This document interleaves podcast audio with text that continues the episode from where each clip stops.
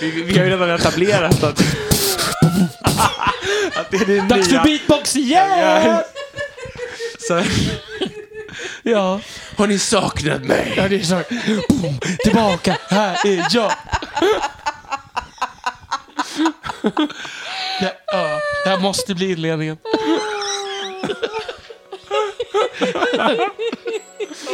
Oh my god. The things you do for money. Or no money. Money? The Tjänar du pengar på den här podden? Ja, har inte jag sagt? Ja, det tickar in rätt nu.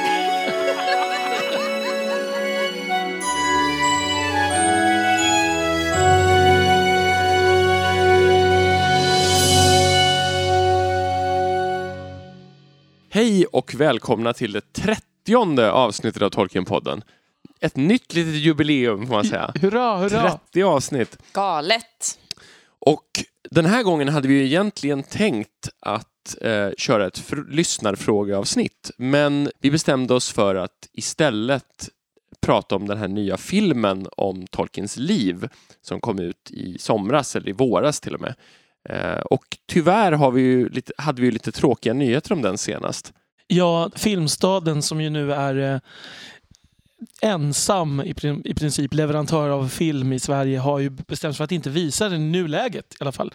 Jag tror att det betyder aldrig. Mm. Däremot kan den ju komma upp på så här mindre biografer så, i möjligen i framtiden. Vi får se. Väldigt tråkigt beslut, tycker jag. Och lite märkligt. Ja, jag tycker det är ganska konstigt. Min bild är att Tolkien-intresset är relativt starkt i Sverige jämfört med en del andra europeiska länder. Mm. Och den har nog gått upp i de flesta länder i Europa, är min känsla. Dessutom osolidariskt mot vårt grannland i öst som Ja. ju, det är som det är en finsk regissör Ja. som har gjort filmen. Men eh, vi löste ju det här genom att eh, beställa filmen istället och har sett den på DVD alldeles nyss nu. Mm. Så vi tänkte att ni kommer få lite rykande färska och ofiltrerade, osensurerade intryck härifrån. Ja, Ja. precis. Vi, fråga oss igen om ett halvår så kanske vi säger något helt annat. Och vi som gör den här podden är som vanligt Adam. Elisabeth. Och Daniel. Innan vi ger oss in i dagens huvudämne så ska vi dock för sista gången inom överskådlig framtid ge oss på månadens Arda-profil. Vi har nämligen bestämt oss för att byta ut det segmentet just nu för vi börjar få lite svårt att få tag på personerna. En epok som går i graven. Precis. Så Daniel, månadens Arda-profil.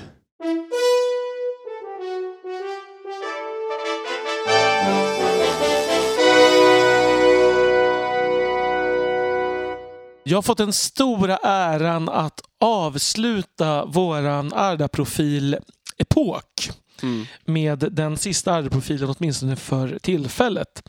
Och jag tänker att jag tänker att jag ska sluta på topp. Oj, Bokstavligt talat. oj. Bok- Jaha, då har jag en teori Mm, direkt. mm. Jag tror att det är en örn. Nej. Och där dog det segmentet. Och så var det slut. Du, du, du, du.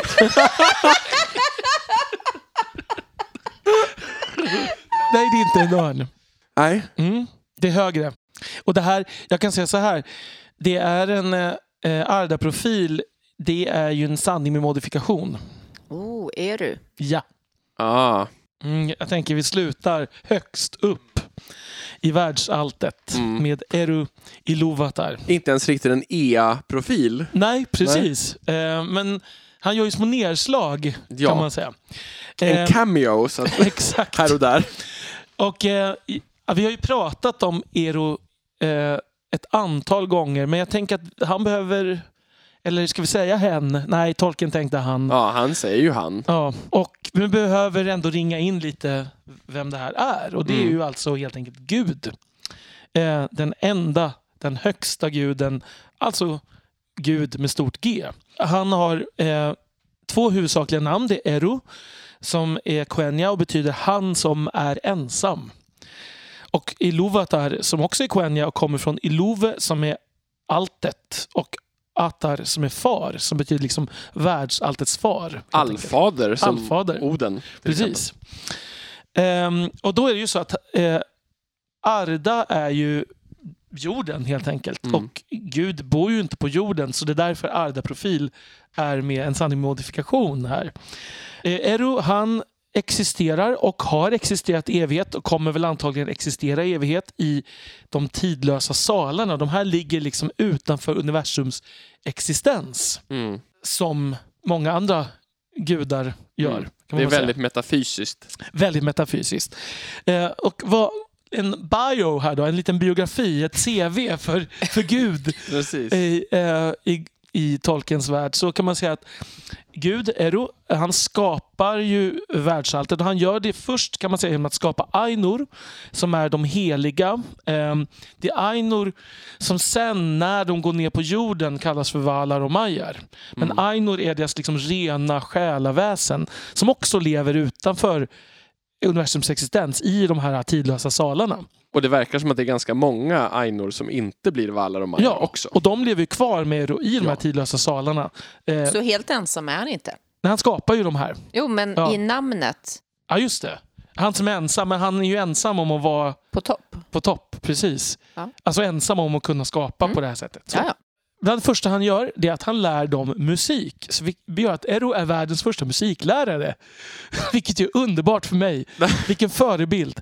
Ehm, och de, det Har du börjar- fått storhetsvansinne här Daniel? Ja, jag menar inte att jag är Right. Ero, men jag menar att musikläraryrket... Bara hans avatar? Mus- Musikläraryrket är väldigt, väldigt viktigt. Det är det jag försöker säga. Det är ju så att och i början så sjunger de här Ainur eh, liksom solo kan man säga. Fast, fast mång, samtidigt. Och det kan, kan bli rörigt. Och då till slut sammankallar då Ero alla de här för att tillsammans då skapa den stora musiken. Och det är den som sen blir ursprunget till världsalltet. Eh, Så de sjunger fram den här världen med, med olika, och vi har varit inne på Melkors dissonanser och sånt där. Mm. Men det är ju sen när Ero då säger Ea som världsalltet träder i kraft kan man säga. Det blir Mm. till. Det här Ea, det är liksom eh, en det är ju verbet bli, så det är ju väldigt likt liksom var det, fast var det allting på samma gång Mm. kan man säga. Och Ea blir sen då namnet på hela världsalltet, hela universum kan man säga. Och vad gör Ero mer? Jo, han skapar alver och människor. De kallas för Erohini, det är Guds barn. Ehm, och det, de skapas i Ainurs musik, men det är inte Ainur som skapar dem. Utan det är ju sen när det här liksom träder i kraft, då eh, så väcker ju sen Ero de här till liv i Arda. Han skapade deras själar som kallas för Fear. Eh, Han skapade ju inte dvärgarna, det gjorde Aule, men det var eh, Ero som gav själar även till dvärgarna. Mm. Och det var också eh, Ero som tillät att enterna skapades när Javanna bad om varelser som skulle ta hand om träden. Mm. I övrigt ska man säga att det Ero låter ju Manwe sköta liksom ruljansen på jorden. Det är Manwe som blir liksom ledare för Valar på jorden. Eh, Det är väldigt sällan som Ero ingriper. Det han gör, han hjälper till med den här um, the changing of the world, alltså när världen ändras. Och det är efter att Arfarason har attackerat Valinor. Arfarason var ju kung på Numenor som vi ju pratade om förra avsnittet. Mm. Och han blir avundsjuk på alvernas och Valars odödlighet så han bestämmer sig för att attackera Valinor och då ber Valar Ero om hjälp. Så att Ero skapar liksom en enorm reva mitt över hela jorden som gör att den här flottan sjunker och hela Numenor sjunker och sen klistras liksom jorden ihop igen och blir då rund här. Mm. Eh, och det är då Aman och Tolderessia eh, som de hamnar utanför eh, världsvärlden kan man säga. Ja, de flyttas ut från eh, the straight path blir någonting annat än att segla vidare runt jorden. Precis, man ser det liksom förbi på Ja. något sätt. Det här är lite intressant eh, för Tolkien ändrar sig faktiskt i slutet av sitt liv och bestämmer sig då för att världen var rund från början. Det här blir då inte, liksom aldrig riktigt färdigutarbetat så Christopher Tolkien valde att, att inte ha den här versionen med i sin Marillion men det, det är det Tolkien bestämmer sig för i slutet. Mm. Han Eh, bestämmer ju sig för många saker mot slutet. Mm, Å andra mm. sidan som inte alltid kanske känns som... Nej, här tycker jag att det är rimligt. För att Mm. hade han kommit fram till det att världen var rund från början och att den här platta jorden det var en numer- numeransk myt. Mhm. Eh, vilket jag tycker är lite Ah. coolt. Mm. Mm. Eh, och det, det är ju någonting, det passar ju ganska bra in med som någon slags liknelse för vår värld, tänker jag. Men hur tog de sig i så fall till Valinor i den versionen? Jag, jag antar att det finns fortfarande... Ja, hur, jag har ja. inte läst, jag har inte läst Nej. på noggrannare, men det, Mm. det får vi göra. Det är ju Ja. någon av de sista delarna av Mm. History of Middle Earth. Ja, det är en intressant... Det får vi brottas lite mer med. Vad gör han mer? Jo, det är sannolikt Eros som ger liksom livet tillbaka till Gandalf. Det känns inte som att det är något som Valar kan göra. Sen är tanken också att när tiden, vid tidens slut så ska Ero förena Ainur och eh, Erohini, alltså alver och människor. Och så ska de tillsammans skapa en ännu större musik Mm. tillsammans. Det ska ju vara någon slags slut på tiden då. Mm. Eh, Men inte någon slags Ragnarök då, Nej. bevisligen. Det är mer som vårkonsert. Precis, exakt. Så det kommer, hela, hela världsallt kommer sluta med sommarsalm. Precis, allting är bara en vem metafor för ditt jobb, Daniel. Ja, men exakt. Så känns det. Ero är ju Gud. Och så, men det är lite intressant att Ero tillbes ju ganska lite i Arda. Mm. Eh, Det finns ju, det blir som att de här Valar då blir ju någon- de här ställföreträdarna som man istället verkar ha religiösa kulter till i större utsträckning. Lite som helgondyrkan, Ja, kanske. precis. Alverna är ju helt fixerade vid Elbereth Mm. som ju är stjärndrottningen, alltså ett annat namn på Varda. Det är deras stjärnfetischism här igen. Deras Eh. Maria. Deras Maria, exakt. Men det finns ju ett antal exempel. Manve ordnar någon högtid till Eros ära och Numenoranerna tillber Ero i tre, vid tre ceremonier årligen. Har inte de också ett Erotempel som Jo. Sauron sen vrider till Morgoth-dyrkan? Precis, och det är, precis, så det är vid det här templet som de här tre olika högtiderna, då, det är Mm. vid vår, midsommar och höst, Mm. som man har någon slags ceremoni där. För tolken var ju det här då ett sätt att komma undan alltså anklagelser om hedendom. Han menar att Eru Iluvatar är en monoteistisk gud i en mytologisk kontext. Mm. Alltså att de här andra Valar och så, det är ju de, den mytologiska aspekten. Men Eru är den faktiska inkarnationen av Gud kan man Mm. säga i, i den här världen. Som ju på något sätt då, det, men det, eftersom den här världen är en fiktiv version av vår egen värld så menar han att det måste finnas, eftersom Tolkien trodde att det fanns en gud, Mm. så måste det finnas en gud även här. Ja, Det är en nödvändig aspekt av att världen kan finnas i någon, i någon version. Ja, ja precis. Ehm, sen förs- försökte inte Tolkien heller sig på att förklara men vem skapade då Gud? Ehm, vilket är ett härligt problem att brottas med. Jag tycker också att det är intressant att dra lite paralleller till till de här, eh, vad ska man säga, till Gamla Testamentet, alltså den, eh, den judiska delen av det som vi sen eh, i kristna då har gjort om till Bibeln. Eh, De här alla de olika hebreiska namnen på Gud. Det finns ju liksom El och det finns Yahweh och det finns Sebaot och det finns massa olika hebreiska namn. Och där kan man säga att, att det finns då två namn, Ero och Iluvatar. Alltså det känns som det är någon, det finns en liten blinkning där, Mm. tycker jag. Även Ero var ju så att hans namn, åtminstone delvis, var för heligt för att uttalas. Och det är ju precis samma med Yahweh i judendomen. Så därför man då börjar använda Adonai istället, som ju bara betyder Herren. Jag tycker också lite fascinerande att se om man kan dra en koppling till vår värld. För att det verkar som att de här olika hebreiska gudanamnen kanske från början var olika hebreiska stamgudar. Och då Mm. kanske, tänk om Ero från början var stamgud åt något alvsläkte och Iluvatar kanske var... Och sen har det liksom vid tidens gång bakats ihop till, Mm. till en Ja, annan det är inte gudsbild. omöjligt. Fast Tolkien hade För, nej, protesterat jag tänkte ju Självklart. säga det, att det där skulle vara helt omöjligt om man har Tolkiens Precis. Men det perspektiv. kan vara min läsning. Ja, Jag som, absolut. jag som brukar säga att Valar inte finns på riktigt. Iluvatar skapar ju saker genom den outsläckliga lågan Mm. som också kallas för den hemliga elden. Och Det är den som Gandalf i åkallar på, i Moria. Och Det är liksom den livskraft som strömmar igenom allting. Och det är den som Morgoth huvudsakligen är ute efter när han blir ond. Och, och Tolkien själv har alltså jämfört det här med den helige ande. Mm. Ehm, vilket är intressant, för då har man två aspekter av den här kristna guden. Mm. Mm. Eh, och det sägs Christopher Tolkien säger någon, i en textkommentar till en text i Morgoths ring att det finns idéer om att Eru skulle komma ner till Arda i mänsklig form någon gång i framtiden. finns det liksom berättelser om. Och då har vi, den- då har vi både Fadern, Sonen och Mm. den helige Ande där. Mm. Och sen, jag ska snart sluta prata, men jag tycker det är lite intressant att fundera över liksom den, någon slags motsättning här mellan någon slags deism och teism. Att vi har dels en gud som är väldigt fjärran från vad ska man säga, från människor och, och andra varelser i Lord of the Rings. Alltså otroligt inaktiv. Skapar och låter dem leva sina liv sen. Ja. Mm. Men sen har vi andra, den andra sidan av en gud som lägger sig i genom att okej, okay, jag, jag förstör jorden nu om ni Mm. ber om det. Eller Mm. jag, okay, jag låter dvärgarna få liv. Eller Mm. så. Så att det finns båda aspekterna tycker jag i, Mm. i Ero. Mm. Vilket är intressant tycker jag för det säger kanske någonting om hur tolken såg på Gud i liksom, Mm. sin relation. Precis, för att större delen av verken så framstår han ju som en mer av, liksom, äh, väldigt mycket mindre av den här israeliska stamguden som man nästan kan liksom ringa på mobiltelefonen i Gamla Testamentet. Mm, mm. Ehm, medans, men, men när han till exempel inträder och kring det här med dvärgarna så är det ju lite mer så. Att plötsligt så pratar han med, med Aule i hans huvud. Jag tycker att det var ett väldigt bra val av sista profil. Tack. Jag håller med. Det var intressant, jag hade inte tänkt på det alls. Nej, Ja, Min första heller. tanke var Bill Ormbunke. Apropå det här med högt och lågt. Ja, precis. Ja. Eh, Men det här var, Underbart. ja.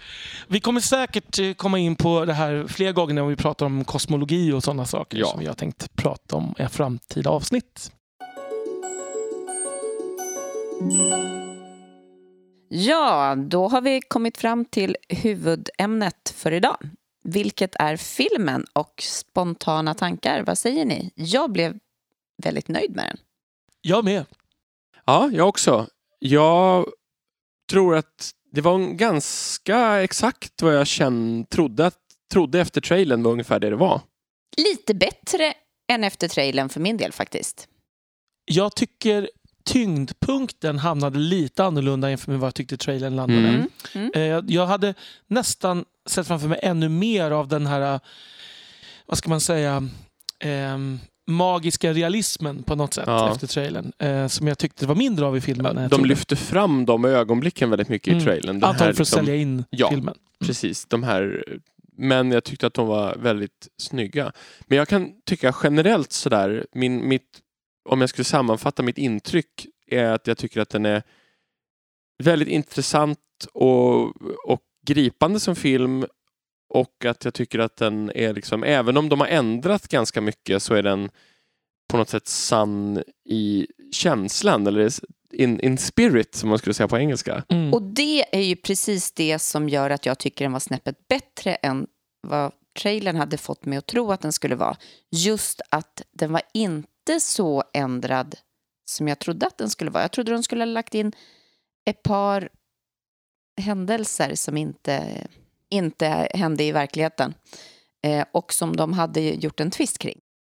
Jag tänker på en grej, ehm, jag associerar till en annan sån här biopic som jag såg ett par gånger, den om eh, Queen, Bohemian Rhapsody. Mm. Där, som, där ju filmen fick en hel del kritik just för att den förhöll sig fritt och, drog, och, drog liksom, vad säga, eh, komprimerade tid och förstärkte relationer och roller och, så där, och ändrade en del. Liksom. Eh, och jag liksom flyttade om händelseförlopp. Men då var det Queens gitarrist Brian May som sa att det, bara för att det inte liksom är sant, vad ska man säga, exakt som det gick till så är betyder inte det att personerna och deras relationer inte är sanna. För det är det som är liksom själva Mm. hjärtat i filmen. Mm. Och det tycker jag, det intrycket tycker jag man fick även av den här filmen. Ja, men det, är- det är lite det jag försökte säga tror jag i, i, i det här med känslan. Eh, och, men vissa tror jag som, som är li, kanske lite mer bokstavstrogna kommer nog att störas på en del av ändringarna Mm. i den här filmen. För det är precis som då, eh, som, i, som jag har hört om Bohemian Rhapsody, jag har inte sett den, så är det ju en del som är, som är ja, förskjutet och kanske till och med påhittat här. Dramatiserat skulle man Ja. kunna säga som ett fint ord. Som, som i och för sig värderar åt ett annat håll. Då. Men, Precis, det kan man säga. men samtidigt så finns det en hel del detaljer som, som man kan tro är påhittade som ju faktiskt är sanna Ja. och riktiga. Och underbara att de har fått med. Ja, verkligen. Verkligen något som förgyller. Om vi ska ta och gå igenom handlingen lite, ska vi börja med att varna eventuella lyssnare som vill se den utan att för många saker blir avslöjade att här kanske vi går in på en del detaljer som man inte i så fall vill lyssna till. Precis, det är ingen spoilerfri recension det här. Utan vi tänker att vi, vi vill kunna prata om det som händer helt enkelt. Ja, så att annars får ni spara det här avsnittet tills ni har sett filmen. Eh, ramverket i filmen kan man säga det är eh, Tolkien i skyttegraven under första världskriget. Mm. Slaget vid Somme. Precis, och, där, och det är liksom... Sen är större delen av filmen tillbakablickar från det.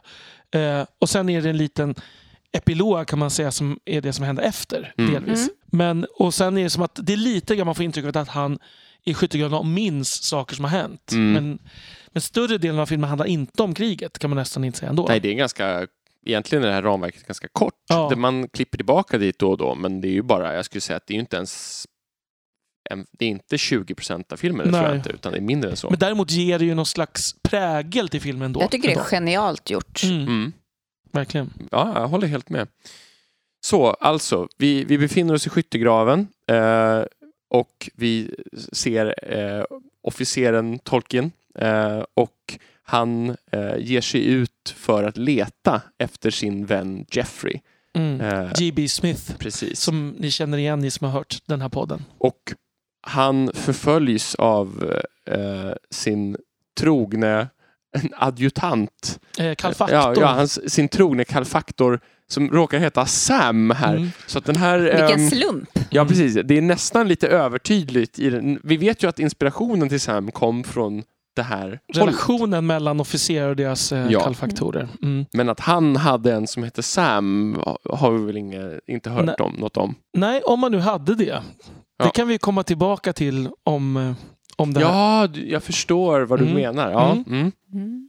Under den här, det här försöket att ta sig till en annan del av frontavsnittet så börjar de här visionerna som man kan säga som är majoriteten av filmen. Mm. Och han har ju då feber. Sam är väldigt orolig för honom och stöttar honom och försöker hjälpa honom Mm. i inledande, ja, ja precis i början av filmen i alla fall. Första tillbakablicken sen är ju till Sarhole som ju eh, var där Tolkien växte upp som liten. Mm. Eh, och man får se hur han leker och eh, sen ganska snart så etableras så relationer med hans mamma Mabel och hans bror Hillary. Ehm, och det här går ganska fort, den här inledande barndomsscenerna Mm. får man väl säga. Men väldigt fina barndomsscener. Men De får med en bild av hur han kan ha inspirerats till sagoberättande och, Och till fylke. ja, men, och, och till historiska berättelser och, och sådär genom eh, sin mamma Mm. och hennes berättande. Och den här idyllen som han hela tiden beskrev just Sarholes, så, äh, Sarhole som ehm, ju som liksom när han sen så småningom flyttat, de flyttar till Birmingham med den här stor, smutsiga storstaden då i Mm. jämförelse. Och ganska fort så flyttar de ju alltså dit och sen så går mammans sjukdom otroligt fort förbi här. Vi får inte ens reda på att hon är sjuk innan hon är död. Om man är lite observant så tycker jag att man får Mm. se små hintar av det. Att hon andas lite tungt och sätter sig Ja. ner och sådär. Men, ja. Ja, men det, är, det är ju mindre tydligt än det ofta brukar vara i sådana här väldigt filmer. subtilt. Ja. Vet man om det så kan man ana Ja. det. Kan Ja. man säga. Men annars tror jag inte man skulle se det. Nej, Skulle nej. man tänka att hon bara var Mm. trött efter flytten. Ja. Och sen är hon plötsligt död och de hittar henne, vilket ju inte väl vad jag förstår var så det alls gick till i verkligheten. Det hoppas jag. För annars så, så måste det ha varit en enorm börda. Och Sen blir de ju omhändertagna då av eh, Och de är fader- alltså han och hans bror Hillary. Ja, de blir då omhändertagna av eh, förmyndaren Fader Francis Morgan. ehm, som ju presenteras som en vad ska man säga, sympatisk, lite jovialisk man. Får man Mm. säga, Mm. på något sätt. Eh, här i början i alla fall. Ja, vad ska man säga? Han, han jovialisk men också han har något sorts ganska tydligt allvar i sig och att han bryr sig om dem på ett allvarsamt Mm.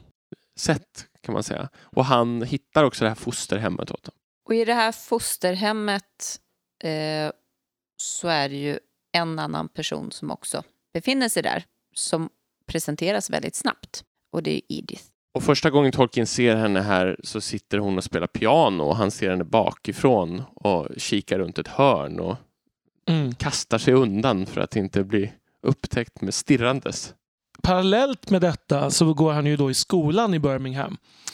Och där eh, blir han King Edward School i Mm. Birmingham. Och efter några små intermezzon och konf smärre konflikter så blir eh, Tolkien vän med tre andra pojkar som heter eh, det är då Jeffrey Smith, Jeffrey Smith eh, Robert Gilson och Christopher Wiseman.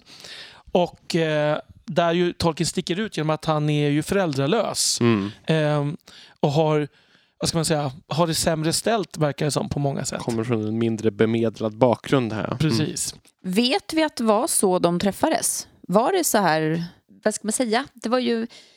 ehm, det var ju inte riktigt en, en vänskapsrelation ända från början. Så att, va, vet vi om det var något Nej, jag har ingen liknande? aning faktiskt. Jag har aldrig hört talas om att det skulle vara så här i alla fall. Så jag misstänker att det är... Det är dramatiserat för att ge någon slags Mm. ingång. Men det Mm. kan ju vara så här, det vet vi ju inte. Mm. Eh, Gilson där, han är ju son till rektorn. Mm. Eh, som ju, och det, det är på något sätt där det... Och det vet sås. vi i alla fall stämmer. Ja, det stämmer. Ja, Och ganska fort när de etablerar sin klubb, det blir T-Club and Barovian Society och det är för att de går till eh, Barrows och dricker te så då blir de The Barovian Society så att Mm. säga. Ehm, TCBS. Precis. Mm. Så eh, någonting som görs till en ganska, ett ganska viktigt återkommande tema i eh, historien är Helheimer, eller Helheim på svenska.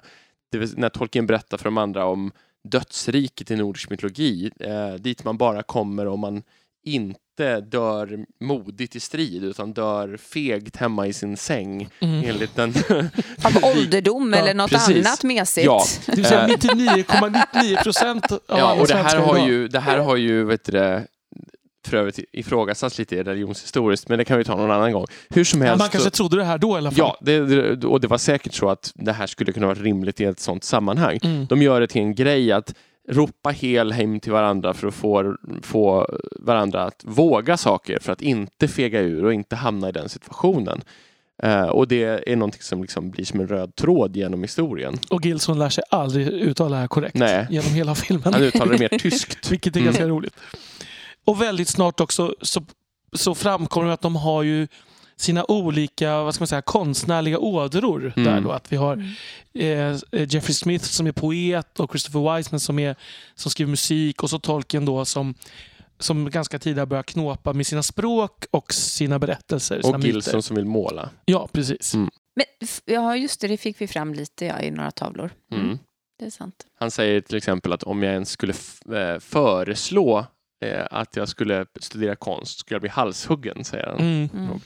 Ja, men de, och det är ju det här att det är lite alltså, man säga, kampen mot en vuxenvärld som vill att man ska göra något seriöst. Ja, Vi skaffar sig ett riktigt jobb. bli advokat eller något åt det hållet. Precis. Ehm, och, och det där att de tidigt får en bild av att vi ska förändra världen genom vår konst. Jag tror att vad heter det, eh, Döda poeters sällskap hade uppskattat eh, liksom, den här filmen. Verkligen. Ja, Det, det var en bra parallell tycker jag. ja det, finns finns tydliga kopplingar tycker jag, Ja. eller likheter. Ja.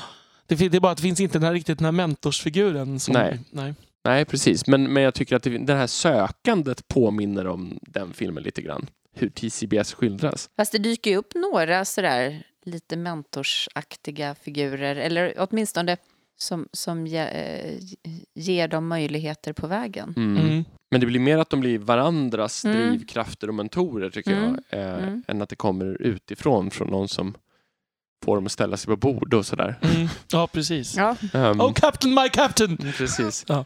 Det, det, det sägs inte i filmen. Nej. Eh, kanske Christopher Wiseman säger det i flottan utan att vi vet det. Men, Och sen är det ju, det andra spåret i filmen är ju då Tolkiens relation till Edith. Mm. Och man får se hur de börjar hänga med varandra. Ehm, vad ska man säga? Fatta tycke, mm, går fikar. Ja, det är verkligen det, det är en relation som växer fram. Mm. Det var inte det här vi såg varann och båda föll handlöst, utan han gjorde det kanske. Men, Mm. men även för att det skulle bli från hennes sida så kändes det som att det växte fram där, även i filmen. Jag tycker att det är intressant för att de, den här att hon är några år äldre är ju någonting som man inte jag tänker på särskilt ofta när man liksom utgår från deras relation som äldre. mm, Men se, märks i filmen. Märks i filmen. Mm. De spelar det. Hon Mm. är ju liksom hon är en starkare person på vissa sätt. Mm. Eh, och det kanske man då kan ha invändningar mot vad gäller liksom genusperspektiv i den här tiden. Mm. Men, men utifrån också åldersaspekten tycker jag att det är helt rimligt Ja. att hon, att hon liksom driver, när, när det väl är ska man säga, när de väl har börjat umgås så är det lite med hon som driver deras relation framåt här. Mm. Mm. Ett tag i alla fall. Mm. Ja. Och så blir det så här Tolkiens kamp för att våga eh, kämpa för att hålla kvar den när det börjar bli svårare kan man Mm, säga. mm. Mm. Och det blir det ju. För att han får ju i filmen i alla fall problem med studierna. Mm. Han misslyckas med antagningsprovet till Oxford. Mm. Eh, jag, alltså universitetet i Oxford, dit han och Smith sen då söker sig med de andra söker till Cambridge. Och eh, det här är det då som får fader Francis att slå näven i bordet. Nej, inte riktigt. Men, men ha ett allvarssamtal med, med tolken och säga att du får inte längre eh, umgås med Edith. Väldigt nära att slå näven i bordet skulle jag säga. Ja, Ändå. man höjde ju aldrig rösten riktigt.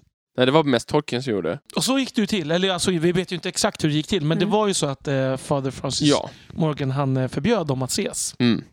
Och det, här får man också en känsla av känslomänniskan Tolkien där han får ett, lite av ett utbrott Mm. på Fader Francis Morgan. Det är oklart om det var så i verkligheten men jag tycker ändå att det blir ändå lite intressant att han, han tappar humöret lite grann och blir arg och Mm. Mm. säger några elakheter men det Fader Francis blir inte arg tillbaka. Nej, men spelar ut skuldkänslor mot Ja, mammans det gör han.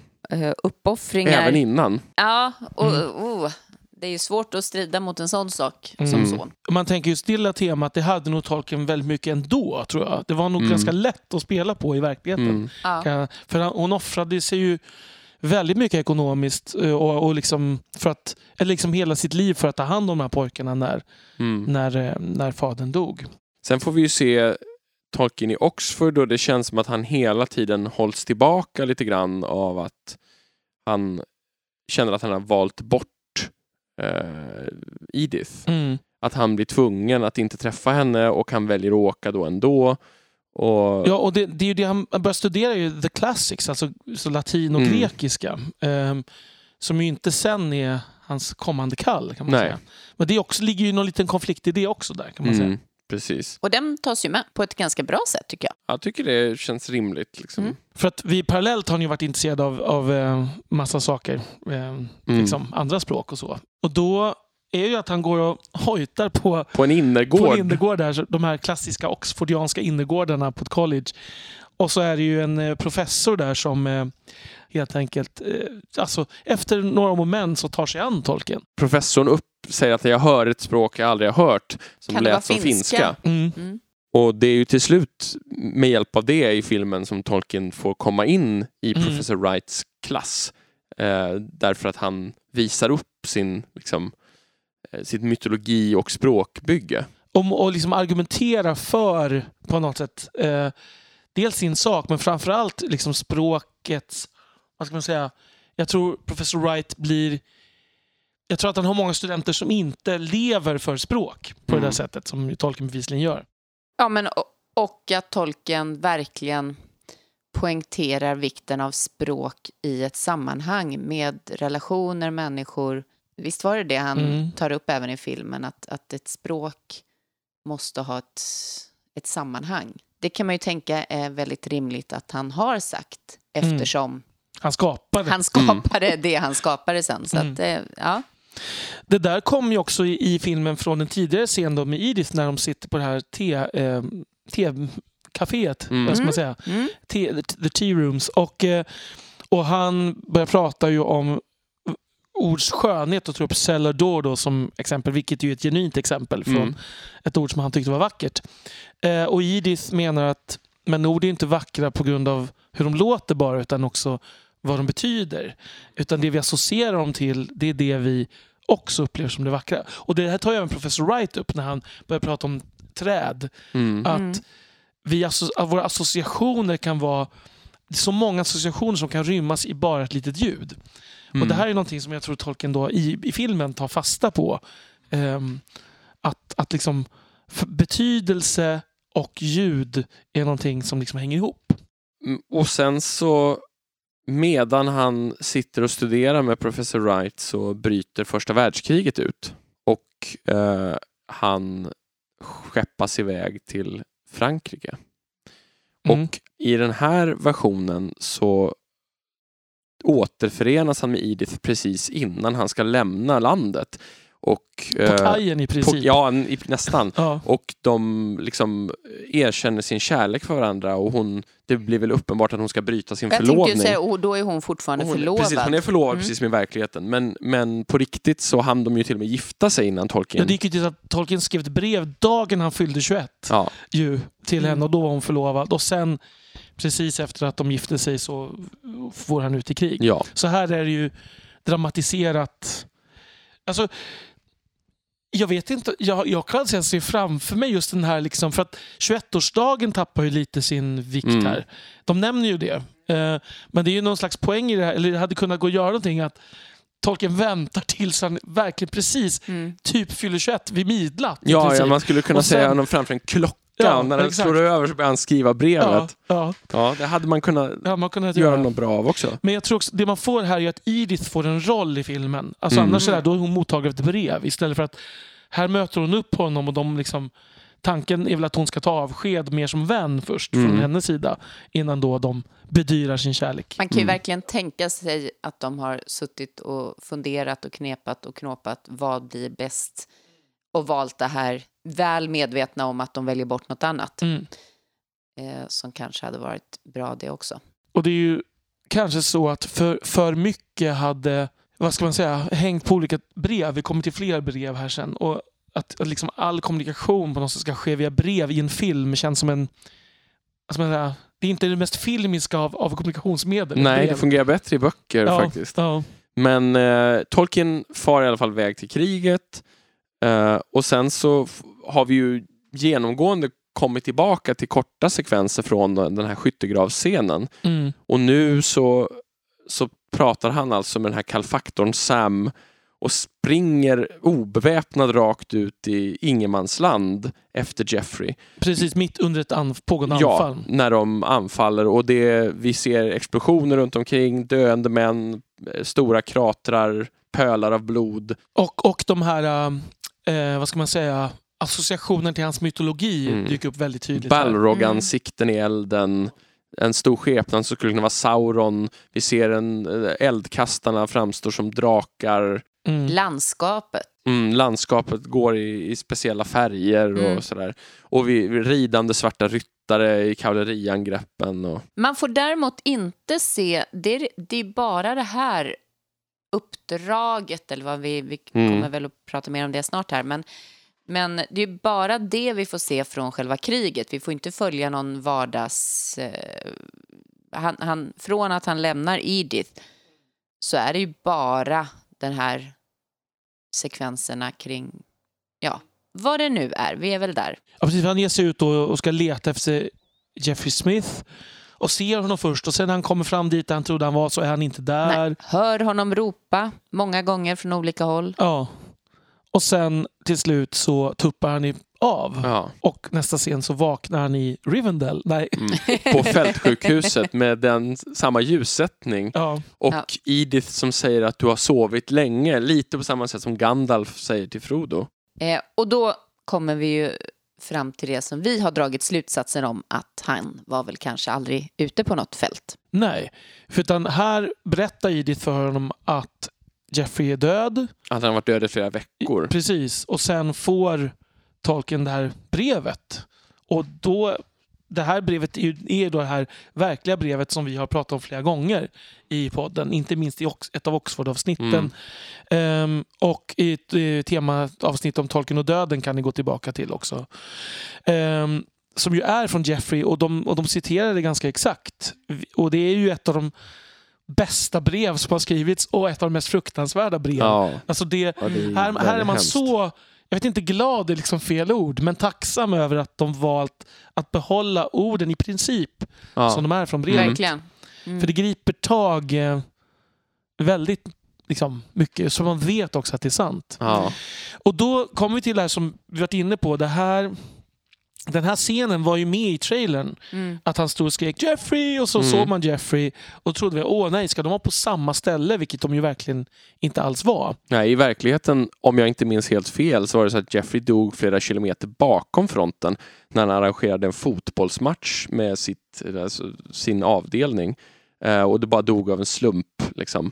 Eh, så, och han, Tolkien fick reda på det via brev, tror jag, från, från antingen Gilson eller Wiseman. Jag tror Wiseman. Mm. Eh, så, men, men vi hade, den här lösningen är väldigt snygg. Mm. För den gör ju att han får så att säga, uppleva Jeffreys död fast han egentligen inte var där. Nej. Och han möter en Sam som, som du alltså menar kanske inte fanns på riktigt. Nej, precis. För det, vi, det man tolkar det här då som det är ju att det här har varit en hallucination i hans skyttegradsfeber. Måste vi kanske förtydliga. För de säger att han har feber precis, precis när han springer ut i första scenen Mm. så ropar den här kalfaktorn efter hon, honom, du måste ligga ner och sova, du har feber. Och då blir det här plötsligt som sagt något rörande och bra istället. Mm. För att Jeffrey som betyder så mycket för honom är, finns där men ändå inte. Liksom. Och dessutom är det ju så att de första scenerna kallar han inte kallfaktorn för Sam utan då är det efternamnet. Ja. Just Så jag kan tänka mig att, att han blir Sam i Tolkiens huvud sen då på något sätt. Ja. Ehm, Mm. Men det vet jag inte. Det är ju bara...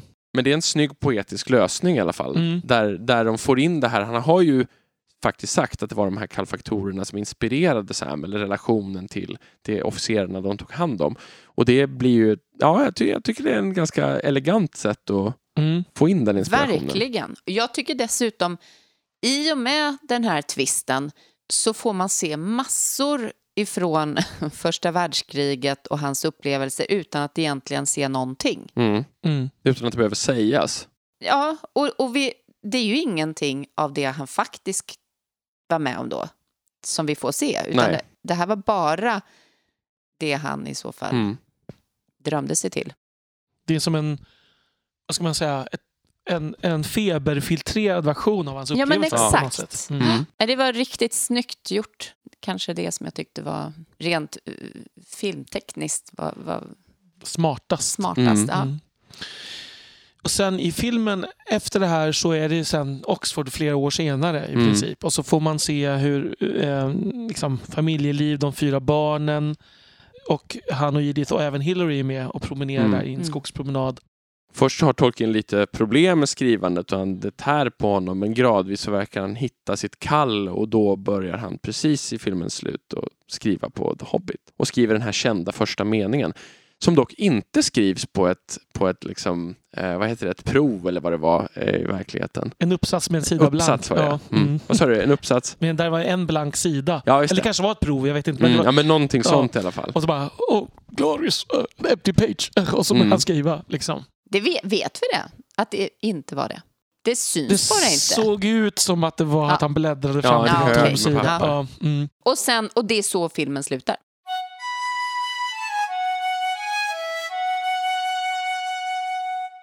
Filmen har fått lite kritik för att den inte skildrar liksom alla aspekter av Tolkiens liv ens under den här perioden. Och en grej de har tagit upp som ju får en väldigt liten del så är det ju hans katolska tro som vi ju har ägnat hela avsnitt åt. Ehm, men, de tem men samtidigt, man kan ju inte fånga in alla aspekter av en människas liv i en sån här film. Utan det de har valt, jag tycker de har valt att fokusera på det är ju liksom tre teman tycker jag. Det är relationen med TCBS och vad det innebär för liksom hans... Alltså de blir ju en symbol för hela hans där manliga vänskaps, Mm. liksom, Mm. sällskapslivet Mm. som sen Mm. kommer uttrycker i inklingarna och, och Fellowship. fellowship precis, Mm. i, i böckerna. Mm. Och sen är kärleken till Edith som har en väldigt viktig eh, liksom också mytologisk betydelse. Och sen den här språkaspekten. Mm. Jag tycker att det är de, för de har ju inte stuckit under stol med han, alltså det här med språken får väldigt stor betydelse Ja. skulle jag säga. En Mm. stor eh, del av filmen. Mm. Så jag skulle säga att det är de tre huvudspåren och sen så visst man berör, nämns att han är katolik och Han spelar Och- rugby en gång. han spelar rugby precis. Så det är ju, det är ju så här små detaljer som, Mm. som, och att han, jag menar, Han spelar rugby två gånger. ja, Ja, det- ja, just det. Två Mm. gånger faktiskt gånger. till och med. eh, som ger färg åt honom på något sätt. Eh, men det är saker som inte blir huvudtema. Men det, jag, jag vet inte om man hade kunnat... Man hade säkert kunnat göra en film om där hans katolska tro hade stått mer i fokus. Men det hade blivit en annan film. Mm. Då hade kanske man inte haft lika mycket om TCBS, tänker jag. Nej. Jag tycker de har valt bra teman. Mm. Mm. Det känns som lagom många dessutom. Ja. Mm. Och om man ska ta den här perioden så skulle jag nog ändå säga att det här är det som går att förena bäst Mm. på något sätt. Eh, ja, nej, jag är väldigt positiv till hur de har hanterat de här och vävt ihop dem. För alla de här tre temana går ju in i varandra också. Mm. Edith diskuterar språk med honom liksom, eh, och, och liksom de vännerna diskuterar kärlek med honom. Och, alltså, alla de här sakerna kopplas till varandra och blir en del av helheten som är han på något sätt. Jag blev lite nyfiken, för nu valde de ju eh, bara en av hans grupper. Han skapar ju sen eh, ett sällskap, eller vad man ska säga, tillsammans med bland annat eh, C.S. Lewis. Mm. Inklingarna. Ja, Mm. Mm. precis, med tiden. Eh, och jag har helt kopplat Eagle and Child till den gruppen. Nu tas ju det stället upp även i den här filmen. Undrar om inte det var en liten blinkning mer. Ja, De nämner det vid ett tillfälle att de har varit på Eagle Child. Mm. Vilket ju också är rimligt att de kan ha varit de kan ha varit, ja. innan Absolut. Mm. eh, han lärde känna de Mm. andra inklingarna. De att- namedroppar lite Ja, bara sådär. Liksom. Jag tror det. Ja. Ja. Man kan ju tänka att det är rimligt att om inklingarna ska börja gå dit så är det för att någon av dem har varit där förut Ja. någon gång. Sen Alltså- är det ju liksom, det är ju den, alltså en pub som ligger liksom i en, norra änden av Oxford. Det är inte så många, ligger inte några pubbar utanför där tror jag, om man Mm. fortsätter norrut. Och det är ju där sen, åt det hållet som tolken så småningom bor. Mm. Vilket också gör att det är rimligt att man väljer den. Ja, det som är närmast. sen. Mm. Mm. Men jag tycker också att personen Tolkien, alltså att man, bilden av Tolkien som en lite, vad ska man säga, grå eminens, nej, som en lite grå hemmasittande professor. Den kom ju från väldigt mycket senare i hans liv. Mm. Och man får ju intrycket av, om man börjar liksom kolla brev eh, och sånt han har skrivit, så ser man ju den här tydliga romantiken som faktiskt Mm. presenteras i filmen. Mm. Just med kär, ur kärleksperspektivet med Edith, man kan ju tänka åh så här romantisk kan det inte varit, men, men det var han nog. eh, och även en, en viss liksom, humoristisk sida kan man ju se. Och, och den här som du tog upp Adam, men liksom lite mer att det finns ett humör Mm. bakom också. Att allt, Han, han är verkligen inte någon så här farbror prof, professor karaktär Nej, i filmen. nej. Nej, någon liten Nej. lillgammal Nej. sån. Nej. utan här språk, han har det här språkintresset och han är Mm. sjukt bra på det. Mm. Men han är också en ung människa. Mm. Och jag tycker det är väldigt fint. tycker jag. Att det, men det är väl där också blir Döda poeters sällskap och hundra andra filmer. Man säger att det är en ungdomsuppväxt. Mm. Jag ska Mm. säga, det är en uppväxtfilm på många sätt. Mm. Eh, och det är bara det är därför jag också tänker att som, jag tycker som film att den är väldigt bra. Även om man ändrat detaljer i Tolkiens liv så är det ju en uppväxt under krigsåren som man får följa. Ja. Just det. Här, Alltså innan kriget Mm. och hur det liksom och det här med kriget som tema, även om det har en ganska liten liksom, tidsmässig del av filmen. Där sist, en av de sista scenerna är att han träffar Jeffreys mamma Mm. och de pratar om just... Och det blir så påtagligt och verkligt när hon berättar om att hon har förlorat båda sina två söner och sin syster tror jag Förlorade tre. samma vecka. Mm. Mm. Ehm, Undrar om inte det faktiskt om man skulle... Nu har inte ju någon av oss kollat upp det tror jag, men mm, det kan säkert vara en sån sak Mm. som Det, det är stämmer. absolut inte osannolikt om man Nej. tänker att många av de här största offensiverna ehm, som ofta pågick någon eller några månader så de i de stora anfallen så vet jag, jag tror till exempel, nu tar jag den här siffran ur minnet så bli inte sura om det är fel, men jag tror att britterna förlorar 60 000 man första dagen vid Somme. Så att det, Det mm, är ofattbart. ja. mm.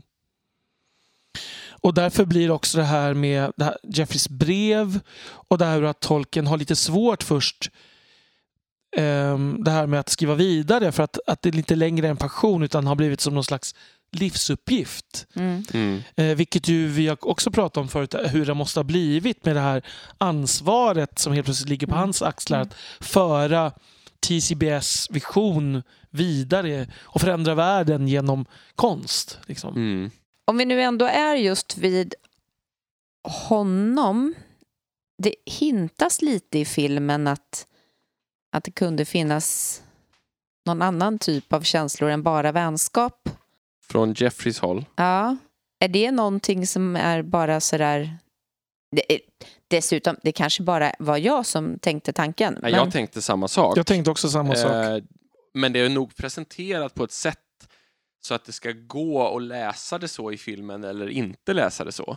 Alltså, det, Mm. det ska gå att inte tänka sig det om man vill. Man skulle bara kunna tänka, nej men jag Mm. övertolkar nu, men som jag, jag tycker att speciellt två dialoger på, i olika delar av filmen tyder ganska tydligt på att de försöker säga att Jeffrey Ja, det är inte långsökt i alla Nej, fall. Att Jeffrey är homosexuell och kär i Tolkien, men att den in, kärleken inte kan besvaras på det sättet i alla fall. Mm. Romantiskt. Den är rent påhittad eller om det finns... Det, det verkar vara så här att, att eh, en av manusförfattarna som själv är gay, han hade läst eh, jättemånga brev och dikter av Smith Mm. för att liksom ge honom någon slags liv då. Mm. Och, och, kom, och, och blivit liksom övertygad om att han var homosexuell. Mm. Alltså, även om det säkert inte är någonting som är allmänt känt. Men det, och det är ju, Det är inte alls det, omöjligt. det är inte liksom, alls nej. omöjligt. På Och den där- tiden var det ju inte supervanligt att man gick kanske och Nej, skyltade med det. nej. Nej. Och att däremot att han skulle vara kär i Tolkien, det, det är ju också någonting då som är säkert konstruerat. Men det, det säger ju någonting... Det blir en fin scen, skulle Mm. jag säga. Mm. Det, det är liksom inte tillräckligt stort för att det här ska vara något... Ett, vad ska man säga? Ens om man tycker att det här, det här är intressant så känns det som att det är så pass litet så att det blir mer en illustration än att det är inget stort, stort tema i filmen. Nej, liksom. precis.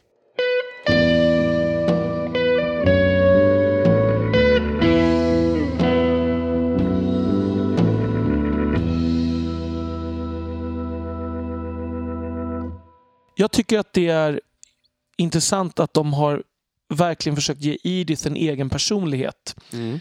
Um, vilket de självklart hade, men, men den kommer ju inte fram så mycket i, genom tolken själv. Ehm, så det här att hon är att hon är så pass stark vilja, att hon, hon på något sätt också uttrycker sin frustration över egentligen att vara kvinna i den tiden, Mm. får man väl säga. Även om hon inte säger så. Ehm, hur hon vill... Hon älskar Wagner i filmen och, och vill, vill diskutera, men hon, hon tvingas vara, vara companion till den, till den här fosterkvinnan Mm. som hon bor hos i princip och spela lätt samma stycken på piano istället för att liksom st- stimuleras intellektuellt. Så tolkar jag det. Ja, det är också intressant det där du säger kring eh, scenen där hon säger att hon vill diskutera Wagner. För där har Tolkien tagit med henne till TCBS och sen vill han plötsligt dra henne därifrån. Mm. Eh, jag vet inte hur ni tolkade det, men jag tolkade det lite som att han blev svartsjuk, att Mm. han blev orolig över att någon skulle Absolut. sno Mm, henne. mm. Liksom. Jag med. Eh, men det verkar inte hon alls ha sett i Nej. filmen. Nej. Utan hon tror att han skäms för henne och därför tar henne därifrån till exempel. Eller de stannar lite, hon, hon ifrågasätter det och sen så tar den tråden slut Ja. skulle jag säga. Mm. Det tyckte jag på ett sätt var lite, fick hänga, blev lite Mm. hängande i luften faktiskt. Eh, att det kunde man på något sätt ha sytt ihop med resten. För resten, i övrigt tycker jag filmen liksom fortsätter sina teman väldigt bra och att Mm, de mm. återknyts. Men den scenen kändes lite Ja, men lös. man kan också... Den känns lite lös, men jag tycker också att den säger något intressant för att man kan också vända på det. Att Tolkien, visst, han var svart. Kan man kan tolka scenen jag, på båda sätten samtidigt. Dels att han blir svartsjuk, men också på att han inser att i den här vänskapen som jag har med de här tre männen släpper vi in en, en ny människa här så får den personen mer uppmärksamhet än jag i den här vänskapen. Alltså, det är som Mm. att... Jag tror att han- Svartsjuk till, i förhållande till vännerna Ja, istället. liksom, ja. där, Mm. precis. Mm. Exakt. Eh, att helt plötsligt blev hon mer intressant än han. Mm. Och han dessutom, som jag upplever, presenteras som att han har lite dåligt självförtroende på grund av sin föräldralöshet och att han Mm. inte har pengar och, och inte bemedlad som de andra och så. Mm. Så att jag tänker att det kan vara åt båda hållen faktiskt. Mm. För sen, jag menar det var säkert väldigt mycket så i de här, de här manliga sällskapen så var ju kvinnor sällan med. Mm. Ehm, och, vad, och det är ju intressant, tänker jag. Vad, vad, det var säkert, det var säkert åt båda hållen. Mm. Och ju senare i livet, det kanske mer åt andra hållet. Att Mm. Varför ska jag släppa in en utom... Ja. Alltså, Och det är också en intressant aspekt av det här vi pratade om med känslor. För jag tänker ju att om man, det finns ganska mycket material från den här tiden som är vänskap mellan heterosexuella män. mm. Där man i en- den tiden kan vara mer liksom, känslosam. Medan det liksom, i en senare tid har blivit mer tabu tyvärr mellan heterosexuella män att liksom, visa känslor för varandra, vänskapskänslor. Mm. Och det är, jag tror, tänker att mycket av det här som folk håller på och skojar om, Frodo och Sams liksom, homosexuella känslor för varandra, tror jag har att göra med att man i, i modern tid är ovana vid att män har den typen av relation. Mm. Alltså att man Är det pratar inte på ett lite visst olika sätt. grupper? Ja, men jag, jag tycker att det är, det är många, många, många som jag har träffat på som, som, tyck, som inte förstår sig på det, som tycker att det, mm. det här måste ju vara att att Frodo ligger med, Frodo i Sams huvud, med, med Precis. huvudet i Sams knä. att de måste exempel. vara kära i varandra. Det är Mm. enda skälet till att man kan göra så. Mm. Men jag vet inte om det hade tolkats så om det hade varit två kvinnliga karaktärer automatiskt. Nej, inte. Sannolikt inte. För jag tänker just att det finns en massa normer där kring Mm. manlighet som, Mm. som kanske har ändrats en aning sedan Tolkiens tid. Och kanske lite ändras tillbaka också de Mm. senaste ja, Ja, men- förhoppningsvis. 20 åren. Ja. Någonting, skulle jag Mm. säga. Jag brukar när jag tittar på film inte vara så jättefokuserad på såna här runt omkring detaljer som jag, nu bara att jag använder det ordet visar lite vad jag menar. Det som gör att det är en film. Ja, typ, typ bild och ljud och Ja, så. precis. Liksom. Jag Ja. brukar bara komma ihåg så här di dialog och, och liksom, nej, men jag, nej, Det är som skillnad mellan film och teater ja, helt enkelt. nej, ja, men lite så. Ja, jag men jag, jag kan säga, ofta när jag ser en film första gången brukar jag ha svårt att fokusera på soundtracket och på ljussättningen och sånt där. Men Mm. jag tyckte att till exempel ljudet, ja, ljuset var fantastiskt Mm. i filmen. Alltså att i de här stridssekvenserna, det är de här liksom eh, skära himlarna över elden och över det svarta, de, det mörk, mörkröda blod, blodsblandade vattnet i kratrarna. Men även så här den här korta, korta danssekvensen som vi nämnde förut Mm. Eh, och en del andra såna här snabba montage med musik till exempel så lyckas man med hjälp av ljussättningen till stor del tror jag skapa en lite utomvärldslig känsla. Mm. Lite där vi pratade om att vi ville ha när vi pratade om Mm. den här filmen första gången. Och även om det är lite färre scener som är så som du nämnde tidigare så tycker jag ändå att när det väl är så så är det väldigt, väldigt bra eller väldigt bra utifrån hur jag relaterar till Tolkien känslomässigt. Mm. Jag, jag känner igen mig i det här på något sätt. Mm. Dessutom så blir det ju ännu bättre med det nu när man tänker att det hela var hans dröm och hans feber eh, Mm. minnen eller hela den storyn är något som, som inte riktigt har hänt. Eh, och då blir ju den skillnaden, för det, för det är ju ganska stor skillnad på hur, hur det presenteras jämfört med resten av filmen. Jag, jag kollade just upp. Eh, fotografen hette Lasse Frank. Eh, han som var ansvarig för fotot. Mm. Eh, som ju säkert är den som mycket är ansvarig för det här. Då. Eh, nej, men jag håller med. Det, var, det fanns en, liksom ett smakfullt användande av så här typ lite slow motion och lite sånt också, tycker jag, vissa scener. Jag tyckte den här scenen när operan pågick på scenen, de inte hade råd att gå in och de var i, i, i, som i, i, i vad ska man säga, förrådet, kostymförrådet. Mm. Och den scenen var väldigt fint filmad också. Mm. Det var något... Mm. ehm, Den tangerar den känslan som den här sagokänslan som var på lite i, i på krigsfältet. mm, mm. Precis. Och jag tycker de sätter den där stämningen lite grann redan i början där mamman läser ur Sigurdssagan för Mm. dem. Eh, Si- Sigurd Völsunga-sagan och om hur han dräper Fafner och sådär. Mm. Eh, det är också med någon sorts sån här, vad heter det nu? Skugg... Ja, skuggfigurer på väggarna och sådär. Och det knyter ihop bra tycker jag med det Mm. senare. Mm. Eld och skugga. eh, Ja, precis. och även där. Så. Jo, men precis. Det är jättefint. Mm. Eh, och jag tyckte det Jag sa någon gång under filmen när vi tittade att jag tyckte musiken gav också den här magin. Och det Mm. tyckte jag. Det, jag, jag det är, råkar vara, och jag kände igen det här, det här är musik jag känner igen. Och han heter Thomas Newman, heter han som har gjort musiken. Han har gjort till jättemånga filmer. Man liksom, han har en speciell stil och jag tyckte den passade väldigt bra till den här filmen. Det hade kunnat gått att göra ännu mer sentimentalt tror jag. Mm. Eh, jag tyckte mer att det blev lekfullt, eller vad man ska säga, än sentimentalt. Mm. Alltså, mer, eh, alltså inte lekfullt i de här stridsscenerna såklart, men i det övriga. Mm. Det finns något lite sprittigt i en del Ja. pianobitar Ja, precis. tycker jag. Som jag det är det du menar? Jag tror att det är det jag menar. Ja. Att det ger lite mer en, men sagokänsla Mm. än en, eh, än någon slags romantisk bara Mm. krigsskildring. Så. Ja, det trycker mycket på den här hoppfulla ungdomen och Mm. den, de Mm. bitarna. För där märks ju musiken ganska mycket också. Mm, verkligen. Sen tycker jag manuset var, var roligt på sina ställen. Alltså det var några Mm. ställen jag skrattade till. Mm. eh, Och sådär. Det fanns underfundiga små replikskiften och sådär. Ja, generellt välskriven dialog tycker jag. Mm, mm. Ska vi gå in och prata lite om skådespelarna kanske? Ja.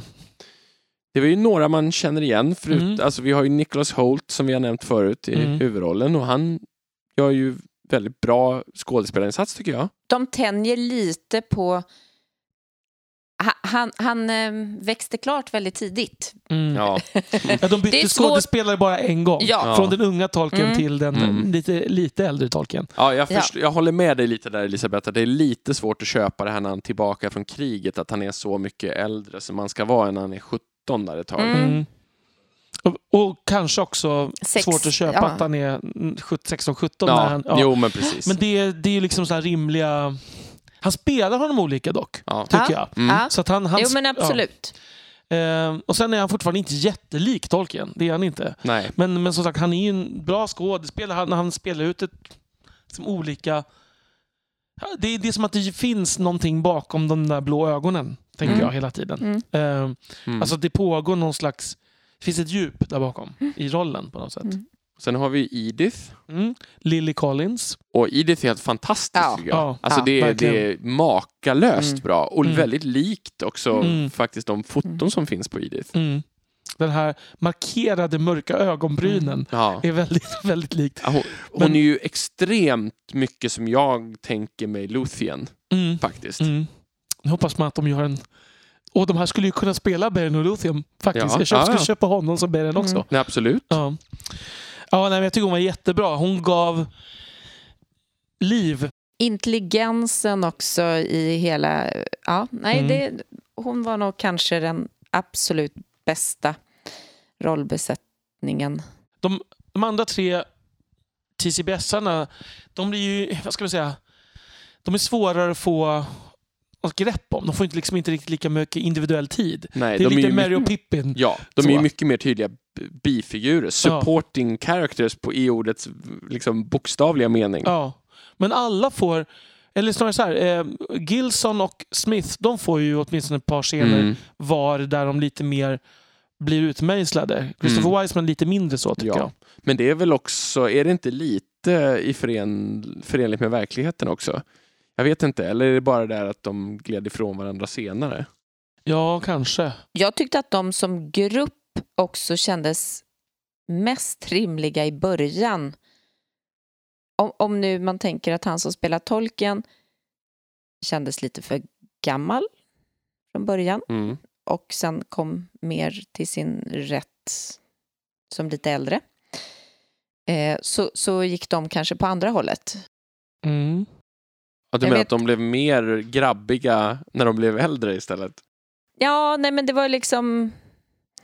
eh, Det var väl någon av dem som skaffade mustasch där. Nej, det var Gilson. Mm. Ja, Precis i sista eh, och det såg ut som att man hade tagit något barn och satt en... Ja, men jag vet Mm. inte, det, det, det kändes Så inte brukar första rikt- mustaschförsök se Ja, ut. de, Ja, de ja. var ju alltså väldigt unga. De när- var väldigt unga och det är väl det är det, kanske rimligt. som är rimligt. Ja. Det var ju snarare att han såg för gammal ut då. Mm. Men det, de kändes svårt Mm. att sätta in dem att de skulle vara jämngamla de fyra. Mm. Ja. Mm. Jag tyckte att det var bra. Ehm, de var ju också spelade av fyra Alltså, alla de här, de spelade ju ha två olika skådespeluppsättningar. Mm. En, en som barn och en som lite äldre. Mm. Man Fyra pojkar och fyra Ja. unga män. Jag, jag, köpte, jag köpte deras relation rakt av. Ska jag säga. Mm. Jag tyckte de, för ibland kan det bli så här krystat när man väldigt snabbt ska etablera en vänskap i en film som mellan Mm. Mm. en grupp. Men det tyckte man gjorde rätt bra. Ja, nej, men det, Sant. ja, Mm. det känns som en väldigt så här trovärdig grupp på något sätt. Mm.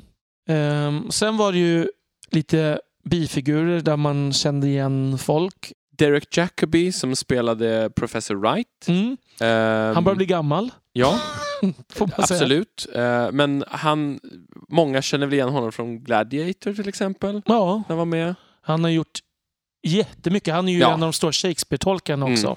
Mm, Eh, hans Hamlet är fortfarande legendarisk. Mm. Ehm, han, är, han är ju alltid solid på något sätt. Ja, alltså, det, det är ju liksom någon sån här kvalitetsstämpel lite Ja. grann att han är med. Han, han, han har ju förmåga just det här, liksom lite mer finurlig dialog, att kunna läsa sig igenom Mm. på något väldigt brittiskt roligt sätt. Ja, han Mm. känns inte som en stereotyp gammal gubbe även om han lite har en stereotyp mentorsroll. Mm. Han, jag tycker att han lyckas ändå ge liv åt de få, ganska få repliker han har. Han tillför något i filmen, Mm. absolut. Sen har vi ju, tycker jag, Owen Teal som, som spelar Robert Gilsons pappa. Alltså som många kanske känner igen från Alistair Thorne i, i Game of Thrones. Precis. Eh, han, han är ju lite lik Alistair Thorne för han är så här sträng och... Ja, inte Liksom- riktigt lika vildsint. Nej, nej, nej, han behöver inte slåss men han har den här isblicken och det här lite Mm. avstängda ans- minspelet Mm, tycker jag, mm. liksom i Game of Thrones. Och så var det ju han skådisen som spelade eh, Francis Morgan. Ja, han het, jag, jag läser nu, han heter Colm Meaney. Honom känner jag igen, men jag minns inte från vad riktigt. Mm. Jag tror inte jag har sett honom i något. Sen är det tydligen så att en, en av Tolkiens, ett av Tolkiens barnbarnsbarn, Callum Tolkien, han spelar en soldat. Jaha. Eh, vet inte vem han var utav alla soldater. De var ju några. Kan det vara den där pojken han tittar på, den unga mannen han tittar på när han tror att han ska hitta Jeffrey och så är det en annan? det kan det ju vara. Alltså jag bara... det kan ju vara precis vem som helst. Ja, jo såklart. Men jag menar, det är en av få där man faktiskt, där det faktiskt, man ser ansiktet en liten stund. Annars Mm. springer de ju mest förbi och man ser baksidan på hjälmar och... Vi får se om vi kan klura ut det. Nej, men överlag liksom välspelat. Ja. Eh, Mm. Ingenting som stack ut på något negativt sätt. Tycker Nej. jag. Det finns ju en ett kvalitetsstämpel i hela det här med brittiska skådespelare. Det brukar bli bra tycker jag. Det finns även dåliga Det brittiska finns skådespelare. dåliga brittiska skådespelare, Ja, men, ja. men jag tycker många sådana här liksom brittiska filmer som antingen är såna här biopics eller lite historiska, Mm. de som rekryteras till dem tillhör liksom en väldigt välskolad grupp i stort tycker jag. Jag är väldigt nöjd med det här som, som jag tyckte redan innan vi, alltså när vi började prata om den här filmen. Jag är nöjd med att de ändå fokuserar på en så liten del av hans liv. Mm.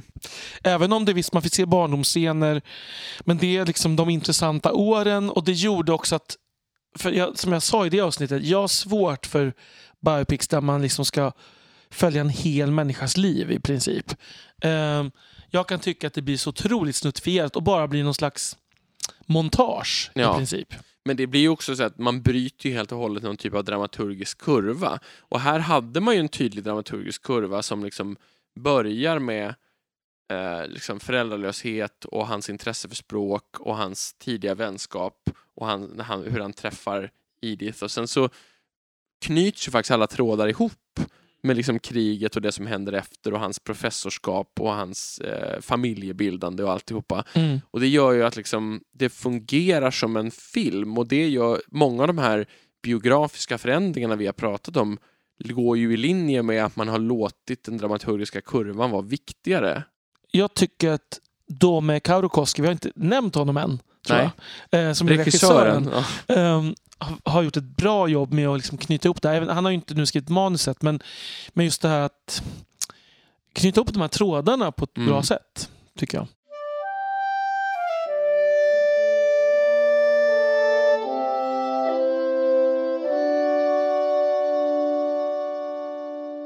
Ska vi försöka oss på att ge någon sorts betyg då?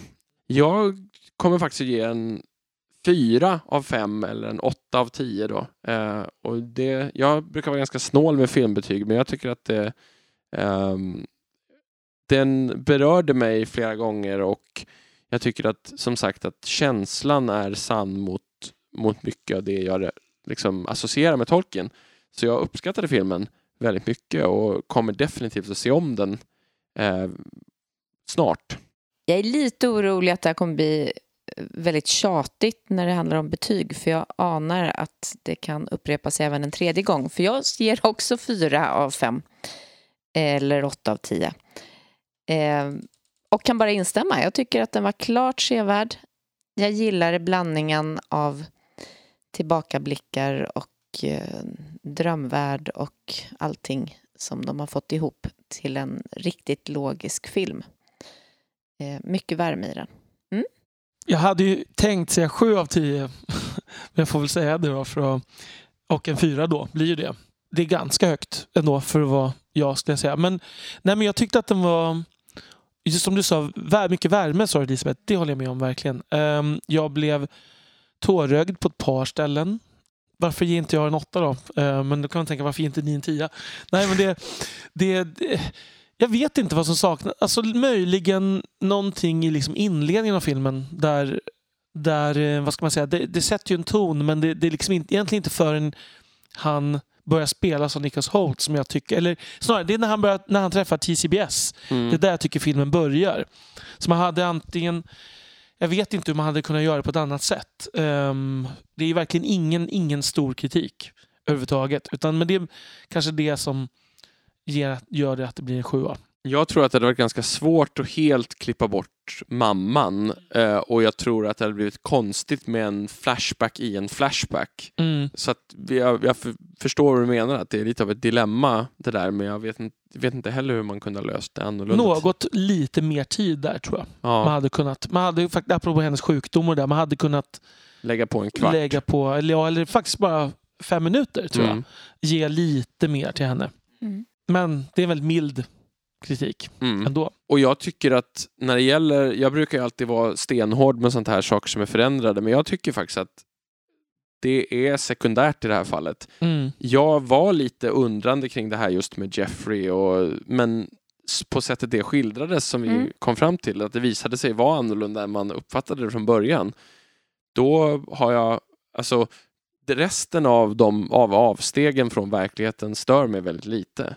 Utan snarare att man njöt av de små detaljerna som verkligen var ja. trovärdiga, mm. som sockerbitar på hattar och annat. Ja, det är underbart. För ja. det, är så här, det var att det faktiskt var sant. De, inte exakt hela hur scenen var, men just att mm. de satt och kastade sockerbitar på hattar på folk. Han och Tolkien och Edith. Det är en un, liksom underbart.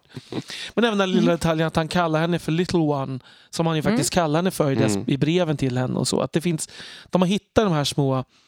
detaljerna mm. som är fina. Jag tycker att det är synd att den här filmen inte går upp på svenska biografer, vill jag bara säga.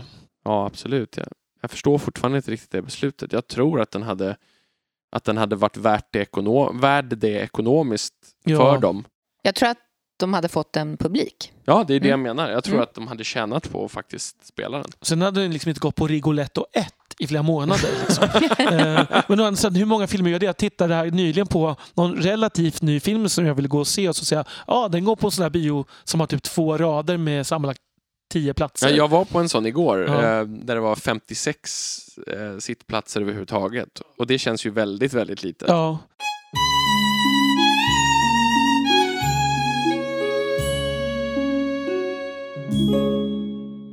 Det börjar bli dags att avrunda det här avsnittet men eh, innan vi gör det så kanske vi vill slå ett slag för det av er som lyssnar och är intresserade av eh, annan fantasylitteratur, det vill säga Harry Potter. Gustav och Lisa heter två personer som har startat Harry Potter-podden. Eh, och de lyssnade på vår podd och hörde av sig och ville berätta att de hade startat en podd eh, på Harry Potter-tema. Och den har gett ut ett antal avsnitt nu. De är lite snabbare i utgivningstakt än vad vi har. Så den kan ni kolla upp om ni tycker att det är intressant med Harry Potter-böckerna också. Och nästa avsnitt då kommer vi ta oss an eh, en hel skrälldus med lyssnarfrågor. Så vi hoppas att ni lyssnar på oss även om en månad. Ja, det kommer bli både högt och lågt kan man säga. Mm. Och då återstår det väl bara för oss att tacka så mycket och säga just vi ses om en månad. Hej då! Hej då. Hej hej.